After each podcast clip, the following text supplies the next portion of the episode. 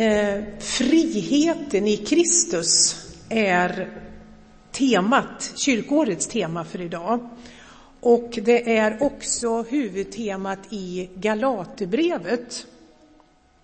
Och vi ska strax, strax läsa kyrkårets episteltext därifrån plus lite till.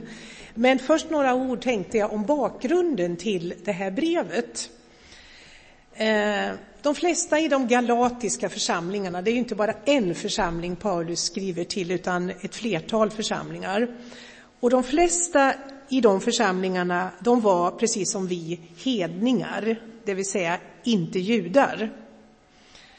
Eh, och det har inte gått så väldigt lång tid sedan de fick uppleva evangeliets förvandlande kraft i sina liv.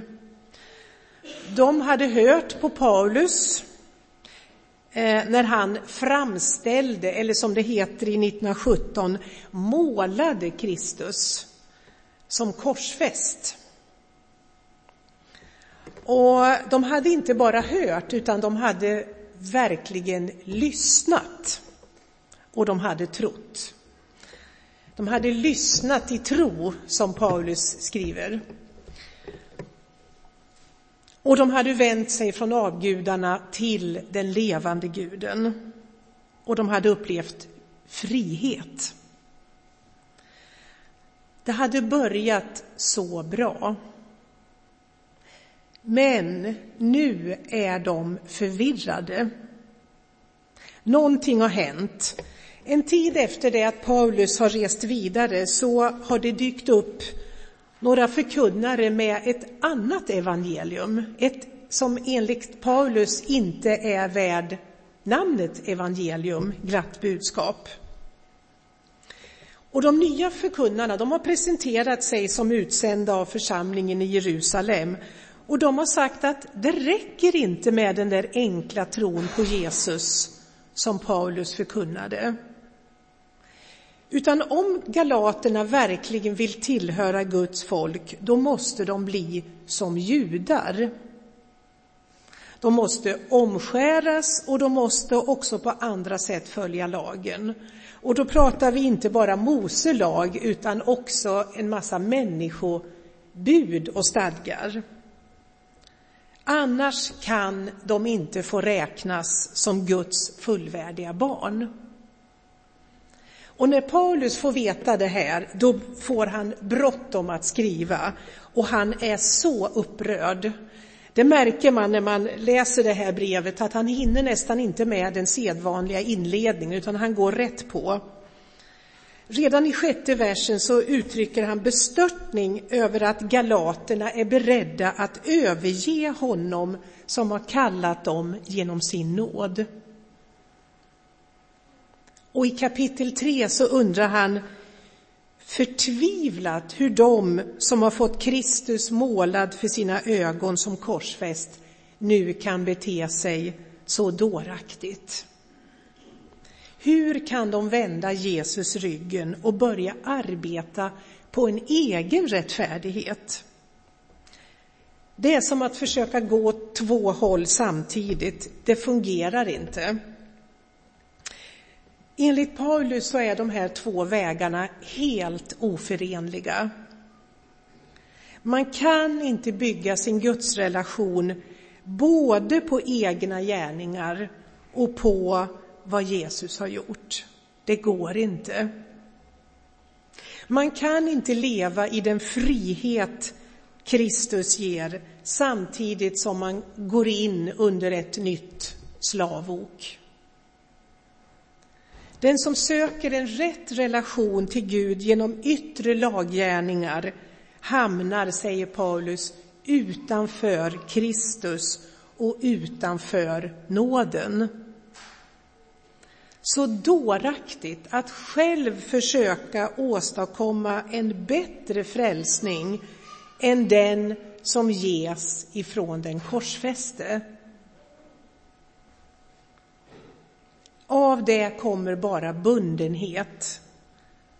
Och den verkliga friheten finns bara i Kristus och i den nåd som han ger till den som fritt tar emot. Nu ska vi läsa från Galaterbrevet 5.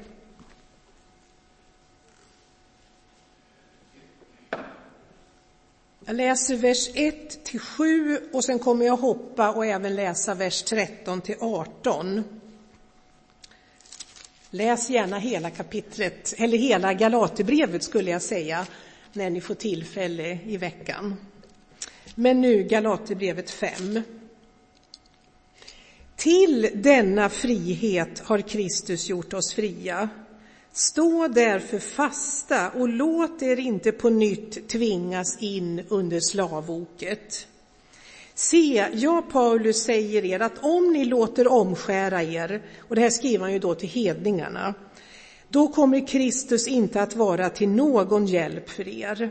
Jag försäkrar er än en gång, var och en som låter omskära sig är skyldig att hålla hela lagen. Ni har kommit bort ifrån Kristus, ni som försöker bli rättfärdiga genom lagen. Ni har fallit ur nåden. Vi däremot väntar i anden genom tron på den rättfärdighet som är vårt hopp. Ty i Kristus Jesus beror det inte på om vi är omskurna eller oomskurna, utan om vi har en tro som är verksam i kärlek. Ni började bra, vem har nu hindrat er så att ni inte längre lyder sanningen? Och så från vers 13. Ni är kallade till frihet, bröder. Använd bara inte friheten så att den onda naturen får något tillfälle, utan tjäna varandra i kärlek. Ty hela lagen är uppfylld i detta enda budord. Du ska älska din nästa som dig själv. Men om ni biter och sliter i varandra, se då till att ni inte blir uppslukade av varandra. Vad jag vill säga är detta, vandra i anden så kommer ni inte att göra vad köttet begär. Ty köttet söker det som är emot anden och anden söker det som är emot köttet. De två strider mot varandra för att hindra er att göra det ni vill. Men om ni leds av anden står ni inte under lagen.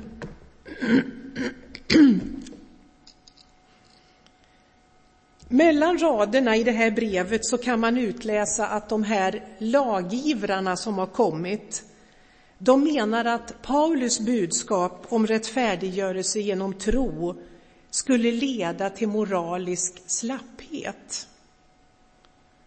Men det visar egentligen bara att de inte har förstått evangeliets dynamik.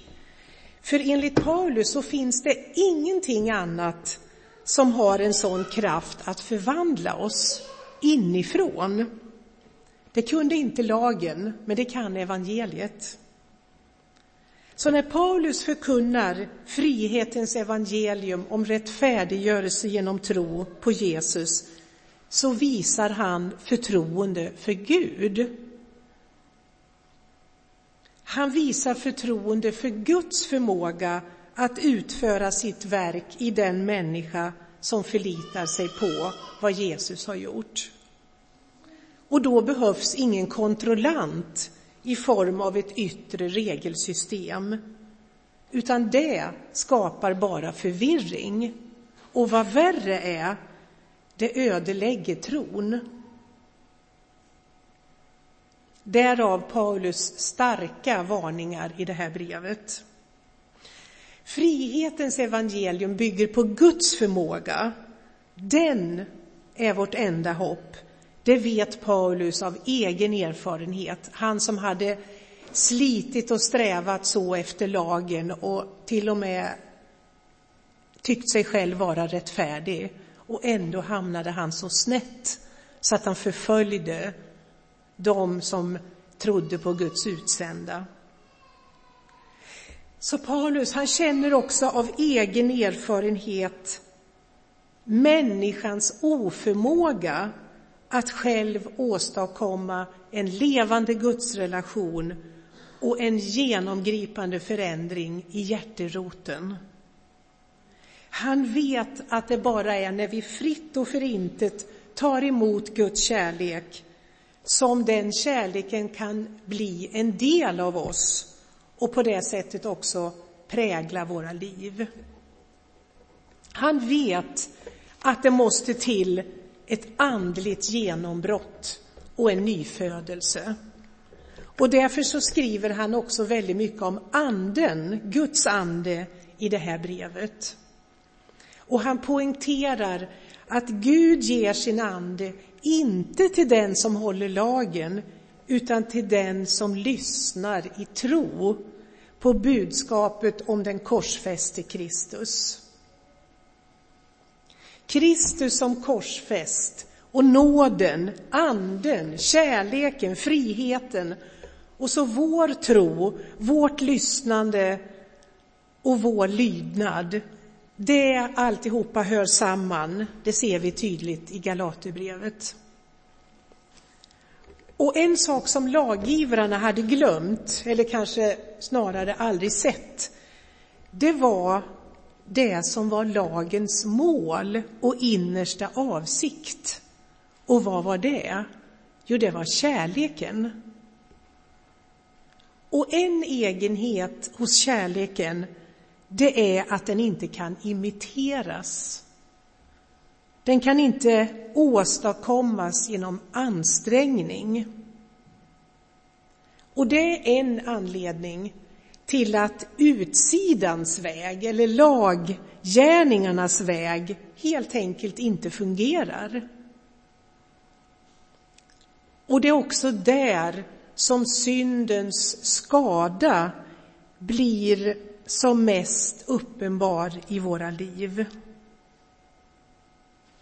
Att älska med en osjälvisk kärlek också den som inte älskar oss, det är, om vi ska vara ärliga, omöjligt i vår egen kraft.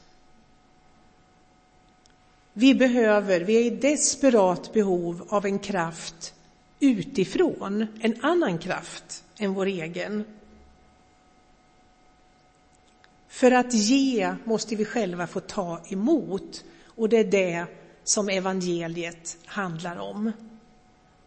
Det handlar om kärleken som ger sig själv fritt och förintet utan krav på motprestation. Sådan är Guds kärlek. Och det är bara där, i den kärleken, som friheten finns. Friheten i Kristus. Den frihet som Kristus ger, det är inte vilken frihet som helst, utan det är en frihet att få växa och mogna i kärleken. Det är en frihet som hjälper oss att säga nej till våra egna själviska begär och ja till Guds kärlek. Så att köttets gärningar, som Paulus också beskriver i det här brevet, att de mer och mer får ersättas av Andens frukt. Och Andens frukt, den tar vi inte på oss utifrån, utan den växer inifrån genom relationen med Jesus Kristus. Den växer inifrån och ut så att Kristus blir synlig i världen. För Andens frukt, vad är det för någonting annat än Kristus? Andens frukt är Jesu liv. Och när den formas i våra liv så är det Kristus som tar gestalt, som också Paulus använder det uttrycket i det här brevet. Och eh, strax efter att han skriver, använder det uttrycket så beskriver han Andens frukt. Och jag tänkte att vi ska bara läsa den, den beskrivningen. Visst är det här en beskrivning av Jesus? Vers, eh, kapitel 5, vers 22. Andens frukt däremot är kärlek, glädje, frid, tålamod, vänlighet, godhet, trohet, mildhet och självbehärskning. Och så säger han så här i, i slutet av samma vers. Sådant är lagen inte emot. Och det kan ju tyckas vara en liten eh, eh, märklig kommentar i det sammanhanget, men om vi tänker på varför han skrev det här brevet så förstår vi. Paulus vill tydligen tala om att det som var lagens avsikt inte alls motarbetas som de här laggivarna tänkte, utan tvärtom så förverkligas lagens avsikt genom frihetens evangelium, där anden får fritt spelrum. Evangelium om Jesus kallar oss ut ur oss själva och den försnävning och självcentrering som synden har skapat i våra liv. Och då kan man ju konstatera att på ett sätt så är de yttre påbudens väg lättare. Det kan ibland vara enklare och mera smärtfritt att rätta sig efter väl definierade regler om yttre ting än det här att dagligen utsätta sig för den kraft som förvandlar oss inifrån. För det, det senare, det handlar ju om att låta sanningens ljus lysa in också i hjärtats dunkla vrår och det är ju inte alltid bara skönt, det kan också vara smärtsamt. Och sen är det ju också så att det som händer på insidan är inte lika lätt att definiera och mäta och kontrollera som det som sker på utsidan.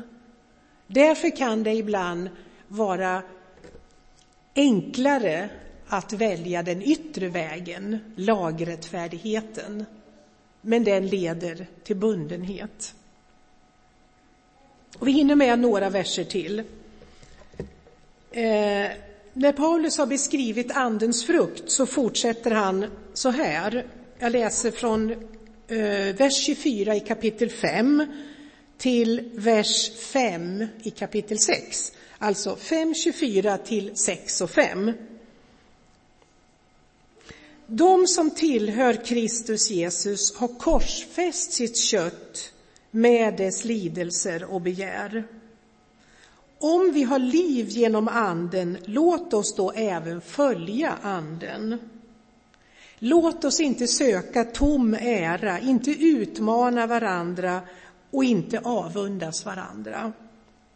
Bröder, om ni kommer på någon med att begå en överträdelse, då ska ni som är andliga människor i mildhet upprätta en sådan.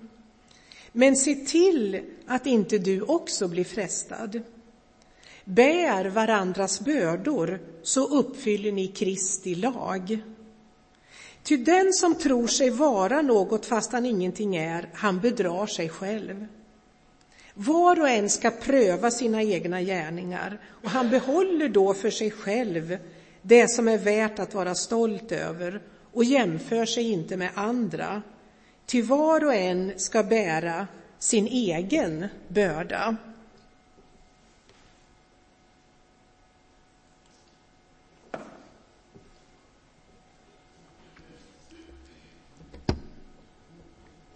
Det verkar som att Paulus säger ungefär så här. Om ni verkligen vill göra Guds vilja och följa hans lag så ska ni inte bekymra er om de yttre reglerna, om omskärelse, matvanor och annat sådant. Men ni ska bekymra er för varandra. I betydelsen dela varandras bekymmer. Ni behöver inte bära skuldens och självförbättringens tunga bördor, men ni ska bära varandra. Där ska ni lägga kraften. Det finns ett klart samband här. När vi är självupptagna, då har vi svårt, det vet vi, att se varandras behov. Och det gäller också när vår självupptagenhet har så kallat andliga förtecken. Alltså om vi till exempel är upptagna med vår skuld och vår oduglighet eller med att fila på vår egen rättfärdighet, så har vi svårare att se andra. Men när samvetet är befriat genom frihetens evangelium, då kan kraft förlösas så att vi kan se och betjäna varandra. När vi läser det här textsammanhanget så ser vi att det här att bära varandras bördor, det handlar tydligen inte enbart om att engagera sig i varandras praktiska behov, även om det naturligtvis är en del utav det. Men vi ser här att det också handlar om att kunna leva med och rätt hantera det faktum att vi alla är behäftade med svaghet och synd. Därför att idealisera oss själva och andra, det leder bara till besvikelser. Och den benägenhet att jämföra oss med varann som beskrevs i de här verserna som vi läste, det är ju ett fenomen som hör samman med lagrättfärdigheten och inte med nådrättfärdigheten. Och inom parentes, eller vi tar bort parentesen, nådrättfärdigheten, vad är det för rättfärdighet? Jo, det är Jesu egen rättfärdighet. Det är den som vi får av nåd. Ingen rättfärdighet som vi filar på och jobbar på, utan vi får som gåva Jesu egen rättfärdighet. Det är därför Paulus tycker att det är så dåraktigt att försöka åstadkomma en bättre frälsning. Hur skulle vi med våra gärningar kunna åstadkomma en bättre rättfärdighet än Jesu rättfärdighet? Det är den stora frågan i Galaterbrevet och som vi kan ta med oss. Bär varandras bördor och var och en ska bära sin egen börda. Hmm, hur går det ihop? Eh, glömde Paulus vad han nyss skrev, eller? Nej, jag tror inte det. Utan när Paulus säger att var och en ska bära sin egen börda, så tror jag att det, det betyder inte att var och en får försöka klara sig själv bäst han kan. Utan jag tror att det betyder att var och en av oss måste ju leva sitt eget liv med sina egna förutsättningar, begränsningar, möjligheter och svagheter. Och just därför, eller bland annat därför, är det både meningslöst och dumt att jämföra oss med varandra. För vi har helt olika förutsättningar och utgångspunkter och så vidare och så vidare. Det som sägs i vers 5 om att bära sin egen börda, det blir då inte en motsättning till det som sägs i vers 2 om att bära varandras bördor, utan det blir snarare en förutsättning för det. Med andra ord, bara den som är förtrogen med sin egen börda kan bära andras. Så är det, det tror jag. Bara den som känner sin egen sårbarhet och sin egen synd kan hantera andras synd och, så, och sårbarhet på ett varsamt sätt. Det framkommer här i det som Paulus skriver också, i det sjätte kapitlet. Med mildhet upprätta när man ser en överträdelse och så vidare. Vi har sett att Paulus han är angelägen om att inga yttre krav ska läggas som börda på de kristna. Och samtidigt är det tydligt att friheten i Kristus rymmer ett uppdrag att vara med och bära andras bördor. Och när vi bär andras bördor menar Paulus tydligen att då följer vi Jesus. Då uppfyller vi Kristi lag. Då vandrar vi i hans fotspår, han som till det yttersta bar våra bördor och som bär våra bördor. Och den lagen, Kristi lag, som vi då uppfyller, jag tror vi kan säga att den lagen är den kristna gemenskapens lag. Och den är då inte ett krav som läggs på oss utifrån eller så.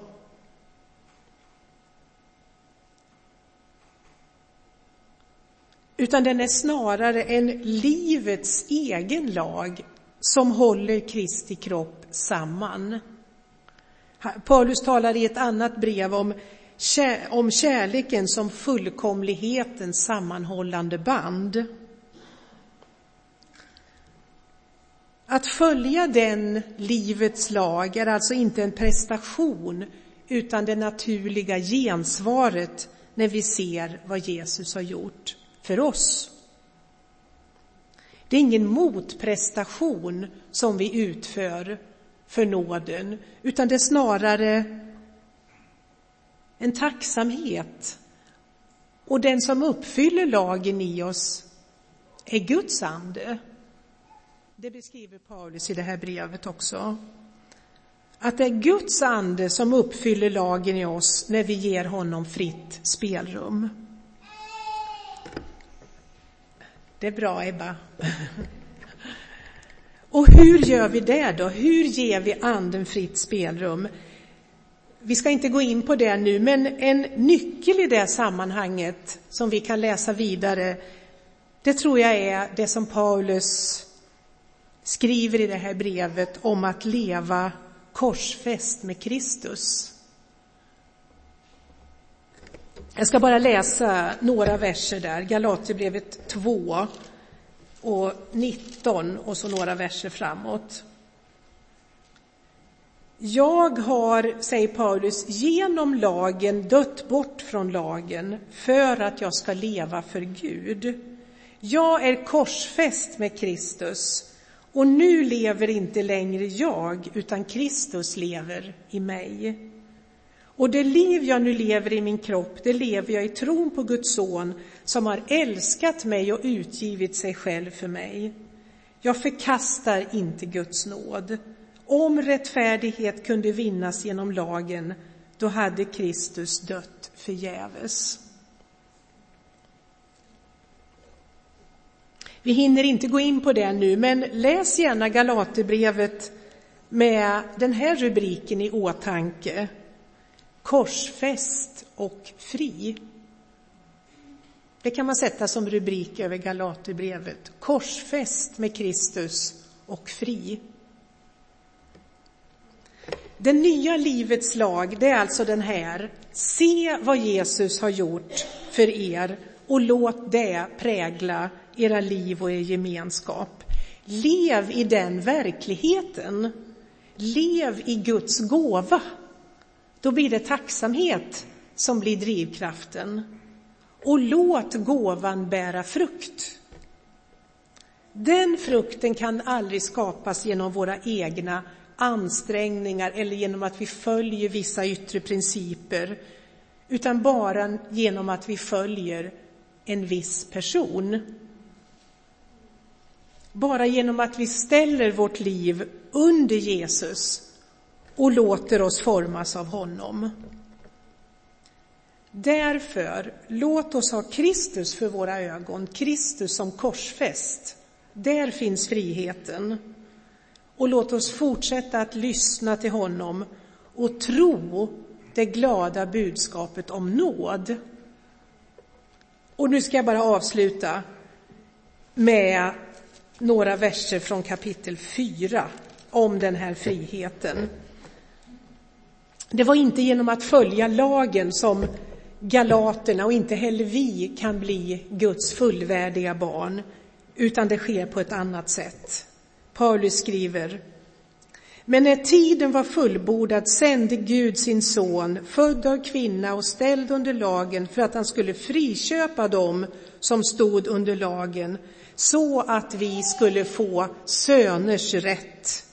Och eftersom ni är söner har Gud sänt i våra hjärtan sin sons ande som ropar Abba, fader, käre pappa. Så är du inte längre slav utan son och är du son så är du också arvinge, insatt av Gud. Låt oss be. Tack Jesus för nåden som omsluter oss och som sköljer över våra liv. Tack för att det är från den korsfäste, från dig Jesus Kristus som korsfäst, som friheten kommer.